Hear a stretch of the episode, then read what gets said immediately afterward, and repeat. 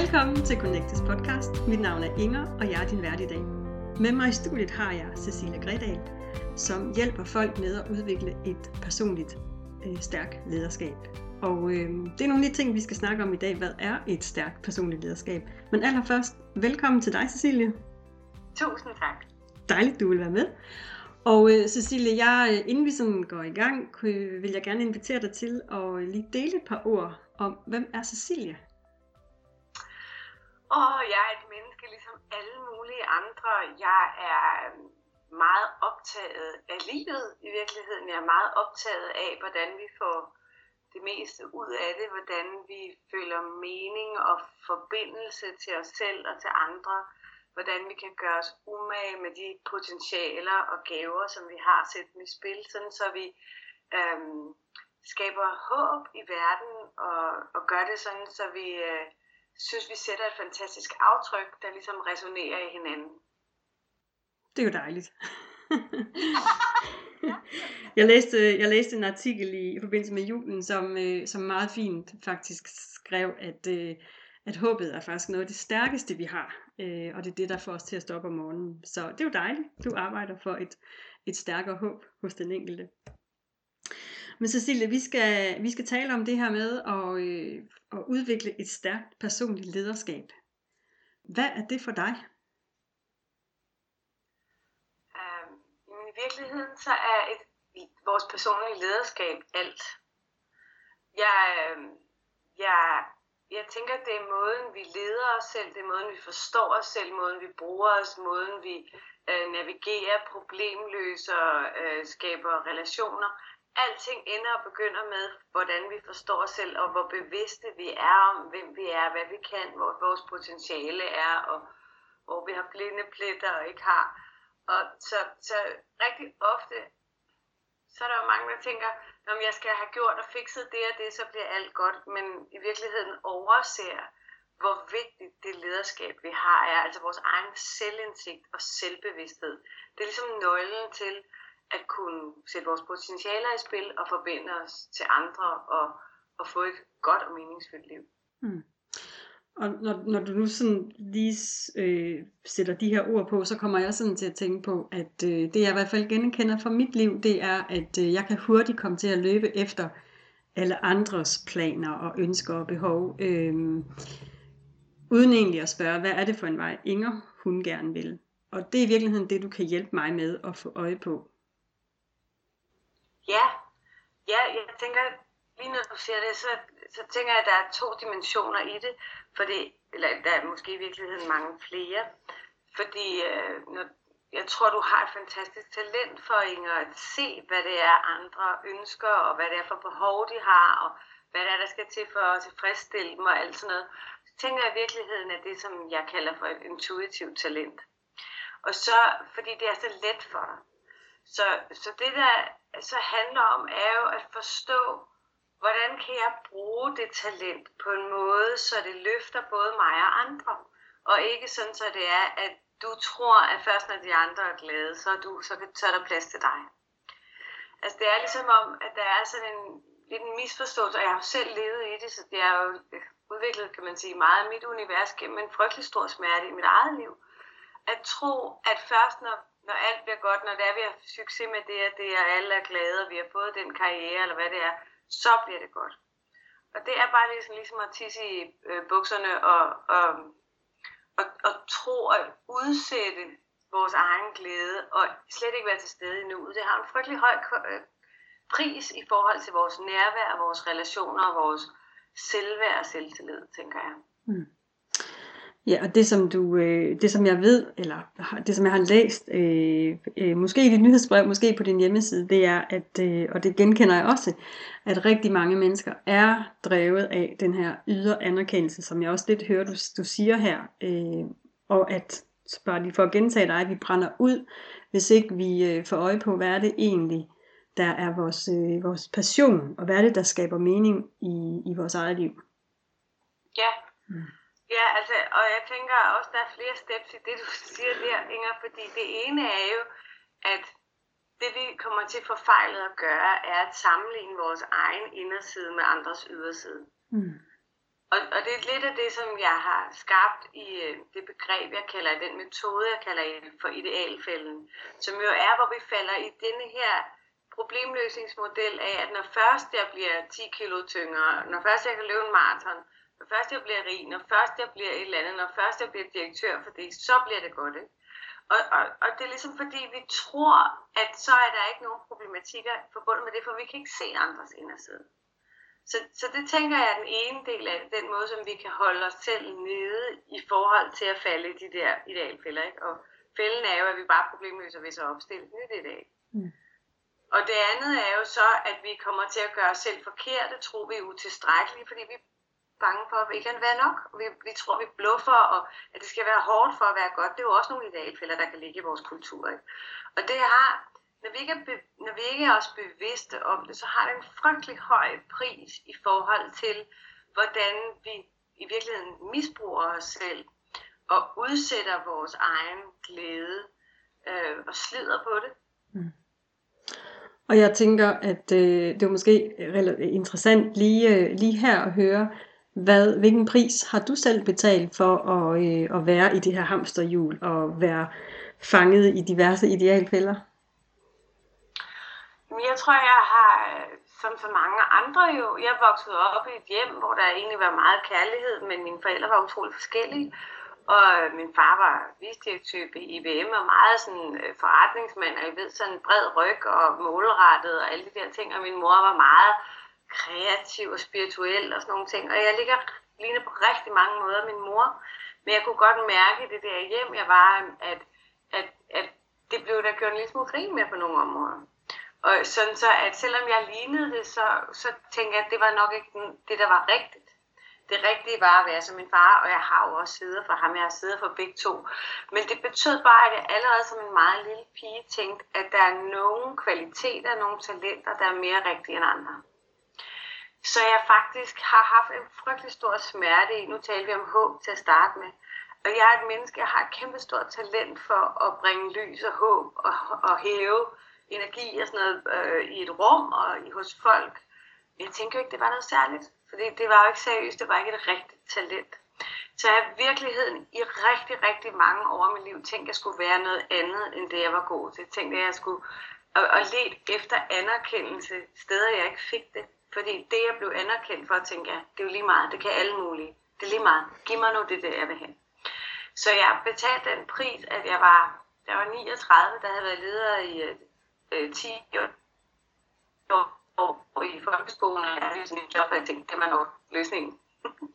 Men det var det jo ikke. Jeg var simpelthen så udpint og stresset efter at have tre børn og være gift med, altså være to ledere og børn til konkurrenceidræt og alle de her ting, som man nu gør for at være rigtig og lederuddannelse og sådan noget. Så jeg gik, jeg faldt fuldstændig om med stress. Jeg kunne ingenting, og jeg lå i fosterstilling og tog knap nok passe mine egne børn. Så jeg var, jeg var syg af stress rigtig, rigtig længe, faktisk i 10 måneder. Jeg sagde mit job op fra dag et, for jeg vidste, at det løste det ikke bare lige at være væk lidt. For hele min måde at bruge mig selv og tage ansvar på var, var forkert. Altså det var i virkeligheden et sundhedstegn, at jeg blev syg, fordi jeg brugte mig selv forkert. Og det tænker jeg på mange måder, stress er. Det er et sundhedstegn, fordi vi pludselig kan mærke os selv, hvor vi ellers så lang tid har haft hals og hoved skruet fra hinanden, så det er det med at forbinde det igen. Og så var det, at jeg var syg af stress, og så blev jeg så den rigtige stresspatient, der gik til yoga og mediterede og gjorde alle de her ting, og sad og ventede på, hvornår fanden er det, det virker. Det var ikke noget, der virkede, vel? For jeg, jeg gjorde lige præcis det, jeg bare var i idealfælden og prøvede at være noget andet, end det jeg var. Og det var, det var først, da jeg ved hjælp af nogle virkelig dygtige mennesker fik øje på det, at jeg faktisk kunne det, at jeg kunne bruge mig selv på en ny måde. Og det er jo det, jeg gør i dag, det er, at jeg hjælper folk med at skære igennem og se deres mønstre klart, sådan så vi kan pludselig få et andet momentum og klarhed til at kunne handle anderledes. Så vi ikke bare bliver ved med at reproducere vores egne mønstre og tænke, at vi skal gå i terapi i 10 år for at gøre det om. Men at vi ligesom får en dyb klarhed og nødvendighed over at finde en anden og bedre vej at bruge os selv på. Mm. Det, og det var, man må sige, det var jo noget en hård pris, du har betalt. Øh, og godt, du var kommet på den anden side. Jamen, jeg synes jo på mange måder, at, at det her, jeg tænker, at det kan jo godt være sådan lidt klichéfyldt at sige, at man skal elske sin krise, men, øhm, Men, men uden at jeg har været igennem det, så er jeg aldrig sted, hvor jeg er i dag. Og jeg synes, jeg bruger mig selv bedre og nogensinde, og jeg er stærkere end nogensinde. Så jeg tænker, at jeg jo har rejst mig som en fuld fønix ved at finde mig selv. Og ved at finde en forskning, som der slet ikke taler så meget om, hvordan vi netop kan komme ud af det, som vi kan være bange for os, der har været syge og stress i forhold til vores egen krop. Altså at genetablere tillid til os selv. Og for mig er det, nu startede vi med det personlige lederskab, det er i virkeligheden det allervæsentligste, det er, hvordan vi genetablerer tillid til os selv. Tillid til, at vi kan lede os selv, at vi har vores egen ryg. Og Cecilie, noget som du sagde øh, i starten, det var, at, øh, og nu summerer jeg måske lidt op, det er, at, at det her det er simpelthen essentielt, at vi, øh, vi forstår, hvem vi er, for at kunne, øh, kunne være i, i verden, drevet af vores, øh, hvad hedder det, vores passion og vores mening. Og til at arbejde med vores identitet, har, øh, bruger du en model, som hedder ledestjernen. Og nu nævner jeg sådan lige de punkter, der er i, i den her model. Øh, og til dem, som lytter med, så kan jeg sige, at vi ligger, eller jeg ligger modellerne for det, vi nu snakker om på, på hjemmesiden øh, ved siden af podcasten.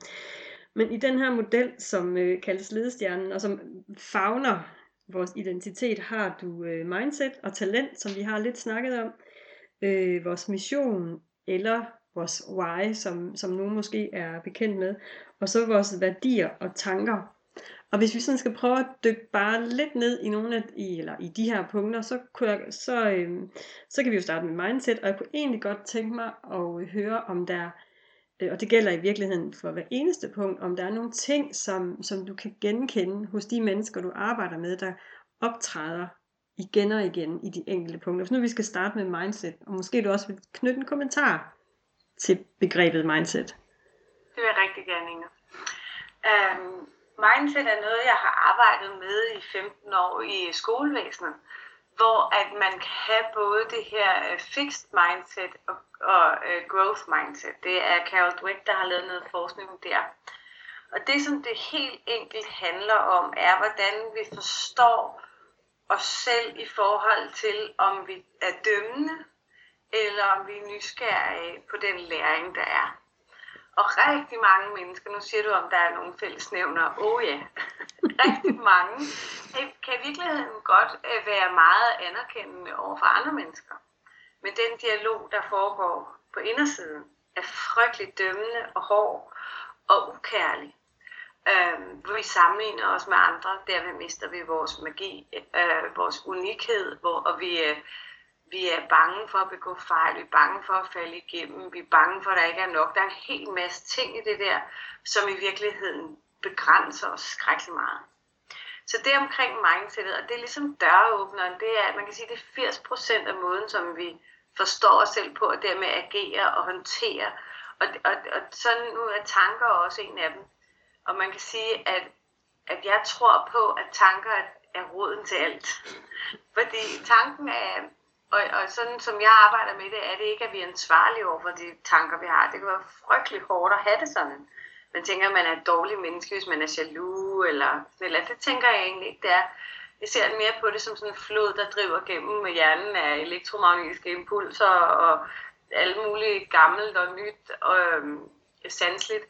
Og, og noget, nogle af de tanker sætter jo efterhånden, hvis vi ser det ligesom et T-brev, vi trækker T på så afhængig af hvilken tanke vi har, tager til, til en farve eller smag. Og det er den bevidsthed, vi har. Ikke? Så, så hvis det er, at der er en tanke om, at jeg er ikke god nok, eller hun tænker, eller de ser på mig på den måde, så begynder vores bevidsthed at være meget optaget af det.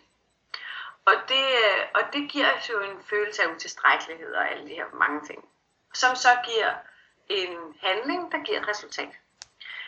Så når vi ser på et resultat og tænker, hvorfor er det sådan, så, kan det, så er der nogen, der tænker, hvorfor, hvorfor gjorde du det? Hvad var det for en handling, der har? For mig er det overhovedet ikke interessant. Det eneste, jeg prøver på at gå tilbage til, det er helt tilbage af roden af. Hvad var det for en te, du trak?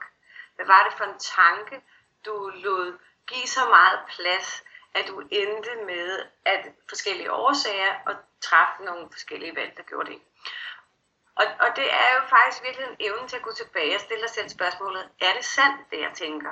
Og være, forholde os anderledes pragmatisk til det, i stedet for så følelsesfuldt, som det er, vi kan gøre nogle gange. Øhm, og det giver en fantastisk frihed. Og det gør faktisk, at vi kan være i stand til at, at opløse vores frygt og dermed vores mønstre, fordi mønstrene, det er jo de resultater, vi får. Ikke? Mm. Så, så ved at vi lærer at gøre de her ting, og vi falder jo i, det gør jeg også. Men så når vi har mindsetet, som er lærerne, som bare siger, okay, jeg øver mig, jeg kan det måske ikke endnu, men jeg øver mig, jeg er opmærksom på det.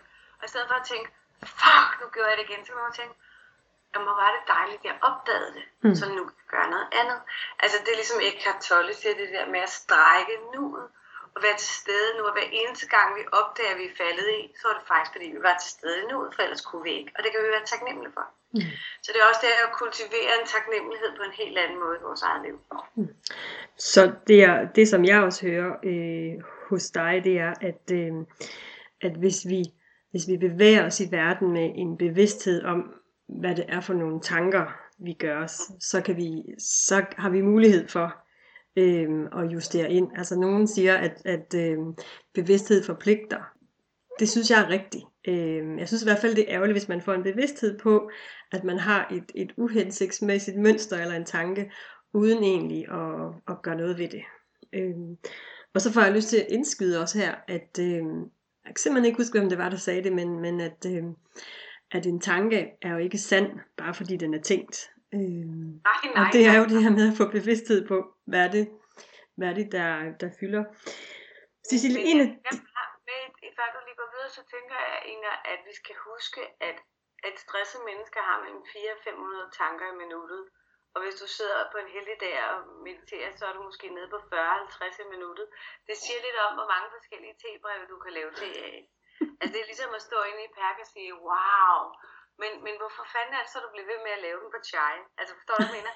Og det er jo det, der sker, når man bliver depressiv og sådan noget, det er, at man, at man falder i, et, altså man bliver ufrivillig i forhold til, hvad man tænker, og man har nogle mønstre, som er en vane. Mm. Og, det, og, og ved at gå tilbage og kigge på de der gamle overbevisninger, så kan vi skabe en fantastisk frihed og lethed. Fordi det er ikke bare én tanke, det er mange tanker, som jeg sagde, det er en flod, der kommer igennem. Så det er det at, at kunne ligesom tage den mentale helikopter eller et elevator lidt længere op og kunne iagtage det på en anden måde, som gør, at du ikke er det, men at du beskuer det, du kan beskue, hvad det gør ved dig selv. Og det skaber egentlig en sjælefred. Mm. Ja. Tak, fordi du lige tilføjede det. det var ja.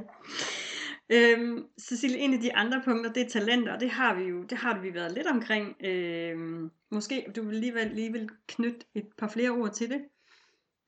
Ja, øhm, talenter er jo også noget af det, jeg har arbejdet med i over 20 år, og, og, og jeg tænker, at i alle de fem punkter, der er her, der ligger idealfælder. Eksempelvis idealfælden omkring talenter, det skal være hårdt for at være godt. Og det er fordi, vi har sådan ligesom groft sagt fire forskellige niveauer af talenter, hvor vi ikke er non-talenter, og så har vi noget, vi er gode til, og noget, vi er excellente til, som vi kan øve os rigtig meget i at blive rigtig gode til, og så har vi det, som jeg kalder for de intuitive talenter. Og det gør jeg helt bevidst, fordi at det giver os et ekstra gear, hvor det er, at vi har adgang til vores kreativitet og intuition. Det vil sige, at der er en helt anden type lethed og flow i det.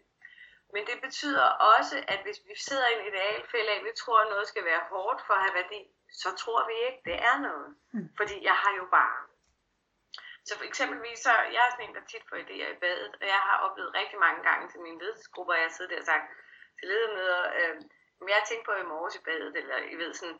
Og nogle gange er det de mest geniale idéer, der kommer lige sådan til os der i pausen. Det er jo det, der sker, når vi lige har fred et øjeblik, så er det jo, at erkendelserne og idéerne lander. Modsat at vi tror, det er 48 timer på koffeinpiller og, og kaffe, ikke? At mm. så kan vi rigtig lære det.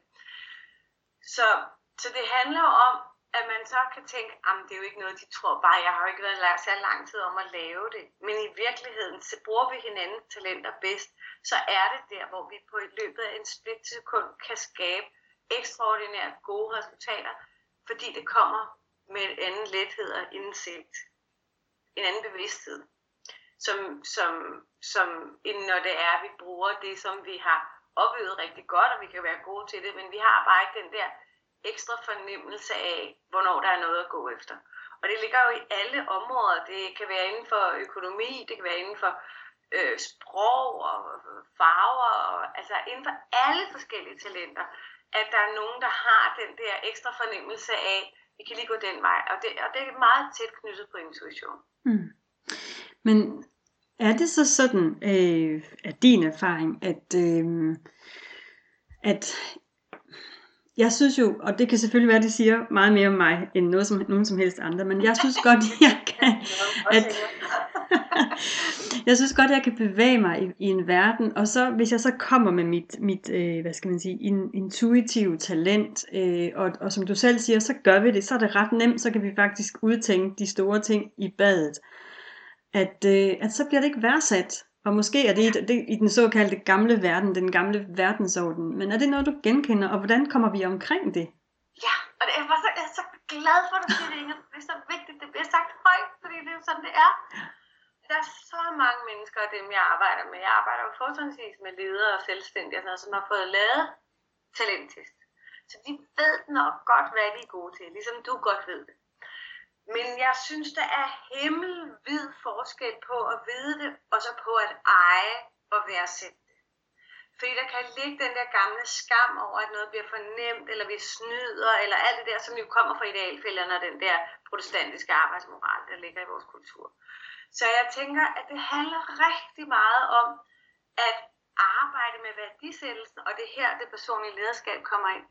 Fordi det handler om, at du ligesom jeg, skal lære at værdisætte det, du går til. Fordi når det kommer helt ned fra dine maveinger, så kan de andre høre det. Men der er ingen, der kan høre det, før du selv hører det.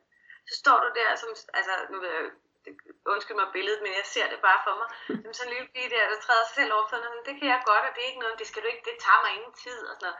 Så er der rigtig mange mennesker, der gør, og rigtig mange af de kunder, som jeg arbejder sammen med og hjælper og følgeskab med, som selvom de har kæmpe store stillinger, kan føle, de står i. Så, så det er det der, der sker på indersiden, og det er noget, vi alle sammen har, fordi vi er bange for ikke at være nok. Så det handler jo om at finde ud af, hvad er værdisættelsen af det her? Hvad har det værdi for andre? Hvad er det for en mere værdi? Hvad, hvad sker der i rummet omkring det? Hvad er det for gaver, jeg giver andre ved det? For så handler det jo ikke om, at du er egoistisk, fordi du værdsætter det, men det handler om at kende værdien af at kunne skabe den størst mulige forskel ude i verden. Og det kan du faktisk gøre, når du ejer det, og når du leder dig selv ordentligt. Og i virkeligheden, så kan man sige, så passer det meget godt i tråd med det, jeg i øvrigt tror på, at, at, øh, at, at de udfordringer, vi har, som for eksempel at, at opleve, at mine intuitive talenter ikke bliver værdsat, jamen det ansvar må jeg tage hjem, og så som du selv siger, i første omgang eje det, og turde stå ved det. Og ved du hvad, jeg har bare oplevet de vildeste, vildeste, vildeste historier og forandringer med folk, der gør det der. Og, og det er jo så en idealfælde at tro nogle gange, at det tager lang tid, og det er hårdt. Uh, det behøver det ikke være. Fordi når vi først ejer, når erkendelser først falder, så sker, så sker ting på en anden måde. Så det er, det er, det er så powerful, det er så fantastisk, dybt, dybt rørende at se et menneske pludselig få øjnene op for sin egen, for, det, for sit eget potentiale. Mm.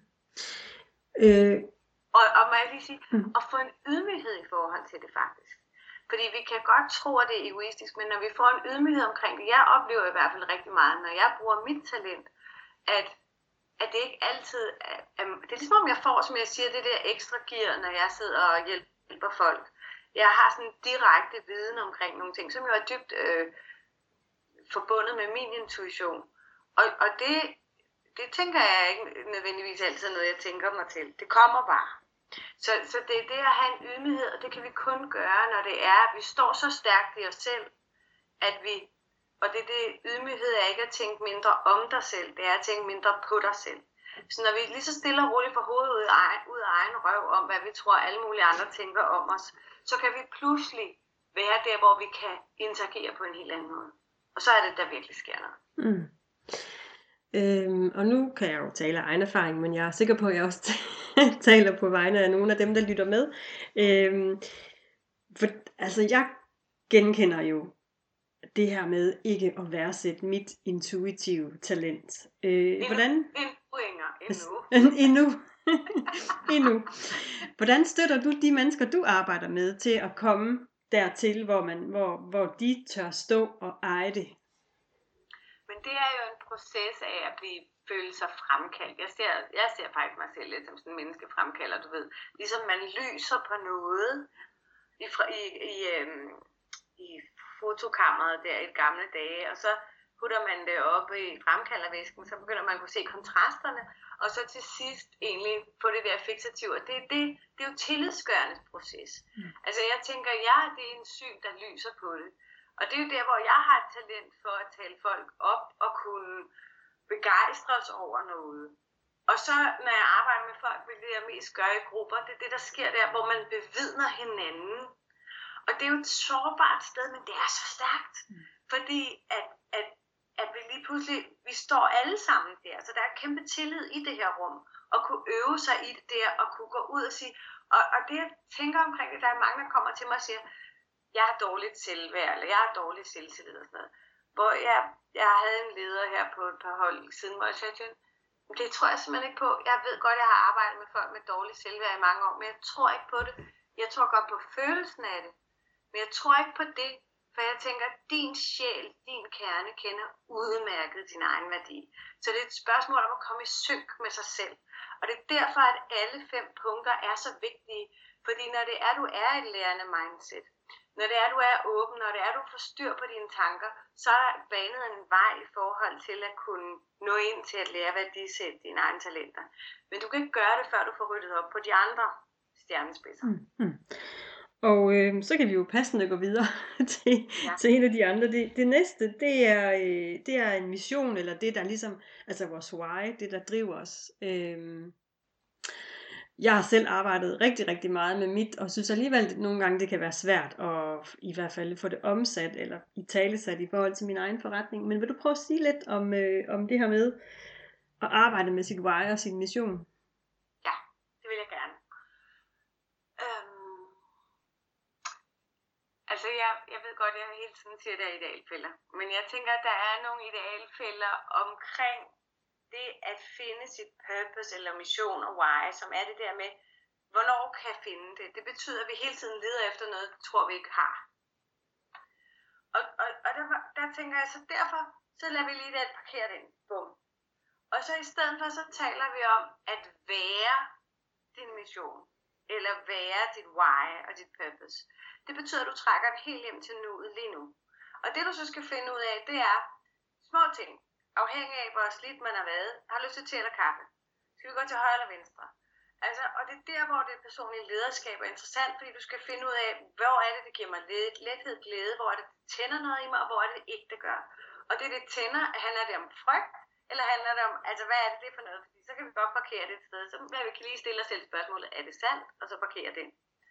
Så jo mere vi, vi lærer os selv at kende, jo mere vi tillader os selv at gå med lethed og til at løfte barrieren, altså løfter vores øvre begrænsning af, hvor godt vi må have det, i det højere grad kan vi rent faktisk skabe vores eget purpose, fordi vi er det i integritet, også med vores værdier som en af dem. Det betyder, at det er de små valg hele tiden, det er der. Vi kan godt have en ledestjerne længere ude omkring den forskel, vi gerne vil gøre, men det gør du jo hele tiden i måden, du taler med mig på, måden du skriver ud til folk omkring den her podcast, og alt hvad du i øvrigt laver i dit univers. Så du er der allerede. Så det er jo idealfælden af, at jamen, der er noget derude. Jamen det, er, det derude er afhængig af, hvad du gør nu. Mm. Så, så det er en, øh, en, i min optik en, en, en vågenhed og en bevidsthed om, hver eneste valg, vi træffer helt ned til, vil jeg have kaffe eller te, øh, så gå til højre venstre, som du siger. Mm. Ja, er, er den her på slik god for mig eller ej? Ja. Altså, lige præcis den har jeg selv lidt svært med. Men jeg ved godt, hvad det rigtige svar er. Men altså, jeg arbejder også med, jeg starter med at lave folks livskompasser, når jeg arbejder med dem, som er sådan en, metode, jeg har skabt til at få klarhed over, når det er, jeg står stærkt i mig selv, hvad er det så, jeg skal agere ud fra, hvad er det for nogle valg, jeg skal træffe, sådan så jeg har mig selv med hele vejen. Og så i slutningen af processen, så laver vi folks ydre kompas, men jeg vil først lave det der. Der er mange, der kommer og siger, kan du hjælpe mig med, hvad jeg skal lave? Ja, det kan jeg godt, men vi er nødt til at skralde alt det der lort af, som du har øh, tillært dig og troet, du burde være først. Af med det, før du kan se dig selv klar, og du er nødt til at være igennem processen, så du har lært at værdisætte dine talenter. For ellers så sidder morfar og den gamle chef og alle de her gamle nisser på vores skuldre og visker os ind i øret af, hvad der er finest og bedst, og hvad det er, du virkelig burde.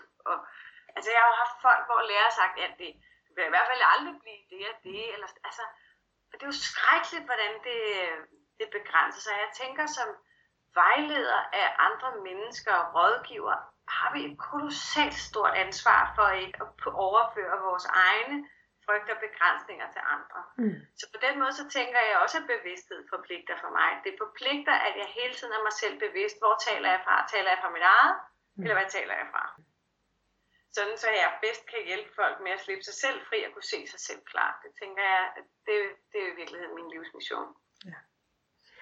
Øhm, og det sidste, det sidste punkt, det er værdier, og jeg får sådan lyst til at spørge, og det, om jeg kunne forestille mig, at i det, i det erhverv, du har, øh, og den du er, at så, er, så ligger ærlighed rimelig højt på mm. dine værdier. Ja. Vil du prøve at sige noget mere om det her med værdiarbejde? Ja, altså øhm, det interessante er, at, at det hvor jeg tit starter med at hjælpe folk, eller arbejde med folk, enten personligt eller hvis jeg er ude og arbejde i kulturen, så handler det om, at vi er ude af integritet med vores egen værdier. Det er blevet for knoklende, at vi er blevet for meget, at du skal gøre som jeg siger, og ikke som jeg gør, agtigt. Så folk har, kender egentlig godt deres værdier, men er ikke tro mod dem. Det interessante er, at, at det her er et nøglepunkt, men det er faktisk noget af det, jeg bruger aller, aller mindst tid på. For det, jeg bruger mest tid på, er at hjælpe folk med at lære at mærke, hvornår jeg tror med mig selv, hvornår er jeg ikke, hvornår er jeg over i andres butik, hvornår er jeg hjemme i min egen, hvornår tager jeg andet ansvar, alt det der. Så det hjælper med at lære at kunne mærke, hvad er mit og hvad er dit. Og i forbindelse med alt det der, så falder det på plads, fordi dem, de fleste mennesker, jeg arbejder med, er meget, meget værdistærke. De bare i bedste intentioner gennem tiden blevet vendet til at forråde sig selv i håb om, at det er den rigtige vej til at blive glad. Og det er en, en idealfælde, der står er på spil her. Oh, yes. Altså fordi jeg kan da, nu er jeg mor, og øh, jeg har arbejdet rigtig meget med mine værdier, og øh, jeg tror ikke familie ligger i top 5. Og øh, det har jo skammet mig rigtig meget over, netop fordi jeg er mor. Øh, så jeg ja, kender i hvert fald idealfælderne lige her, og du genkender garanteret, eller har, har sikkert også stiftet bekendtskab med nogen, som måske endda optræder ofte, når du arbejder med øh, de mennesker, som kommer hos dig?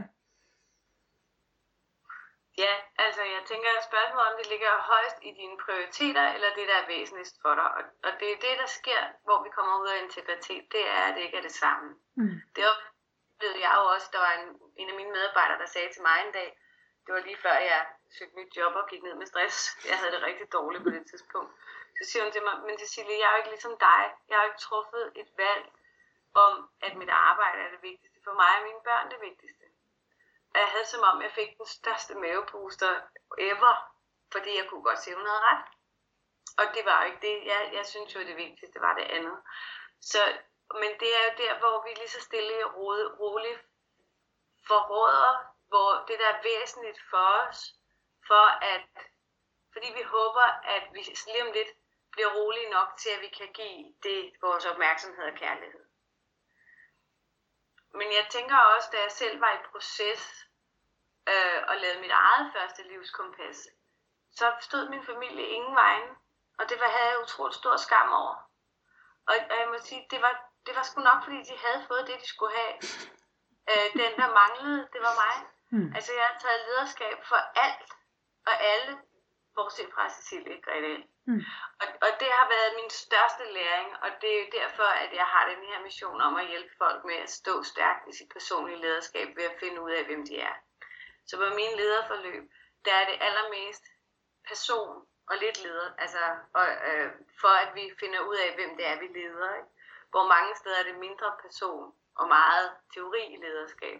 Hvor jeg tænker, når vi først står den klarhed, så ved vi godt, hvad vi skal gøre. Mm. Så det handler om at kende kvaliteten af vores egne impulser. Ja. Og jeg får egentlig lyst til at også sige, at, at nu har du en, øh, du har en model, du kalder KFI-modellen, og øh, altså, den bruger du sådan til at måske at illustrere, hvordan rigtig mange mennesker arbejder ud fra. Du kalder det kulturens diskurs. I min optik, så er det, hvad skal man sige, den ramme, vi befinder os i. Og der tænker jeg i hvert fald, at vi skal være opmærksomme på, at når nu jeg bevæger mig i verden, bevæger mig så øh, funderet i min identitet, eller bevæger jeg mig i verden i nogle rammer, skabt af en kultur, som jeg slet ikke har stillet spørgsmål ved. Altså det der er min, øh, min mål med den model, er at vise, at der er forskellige bevidstheder, vi kan agere og lede os selv i verden ud fra. Mm. Så det du skal være bevidst om for at blive en 3.0 udgave af dig selv, er hvem, at være tro mod den du er, og ikke tro, at først når det er, at kulturen finder dig rigtig ud fra de normer, som du har mm. adapteret og læst, og tror, at de er rigtige, så måske forventninger, at de ikke engang har til dig at så, så, er du, så er du god nok. Ikke? Fordi det, så er vi på overarbejde, så er vi ude i at skulle bevise og skulle overbevise vores eget værd. Hvor når, når du står stærkt i dig selv, ejer dig, så skal du vise, så skal du egentlig bare vise. Og det har en, så er du helt anderledes inspireret, der er en helt anden lethed, der skaber en væsentligt større følgeskab og power ud i verden.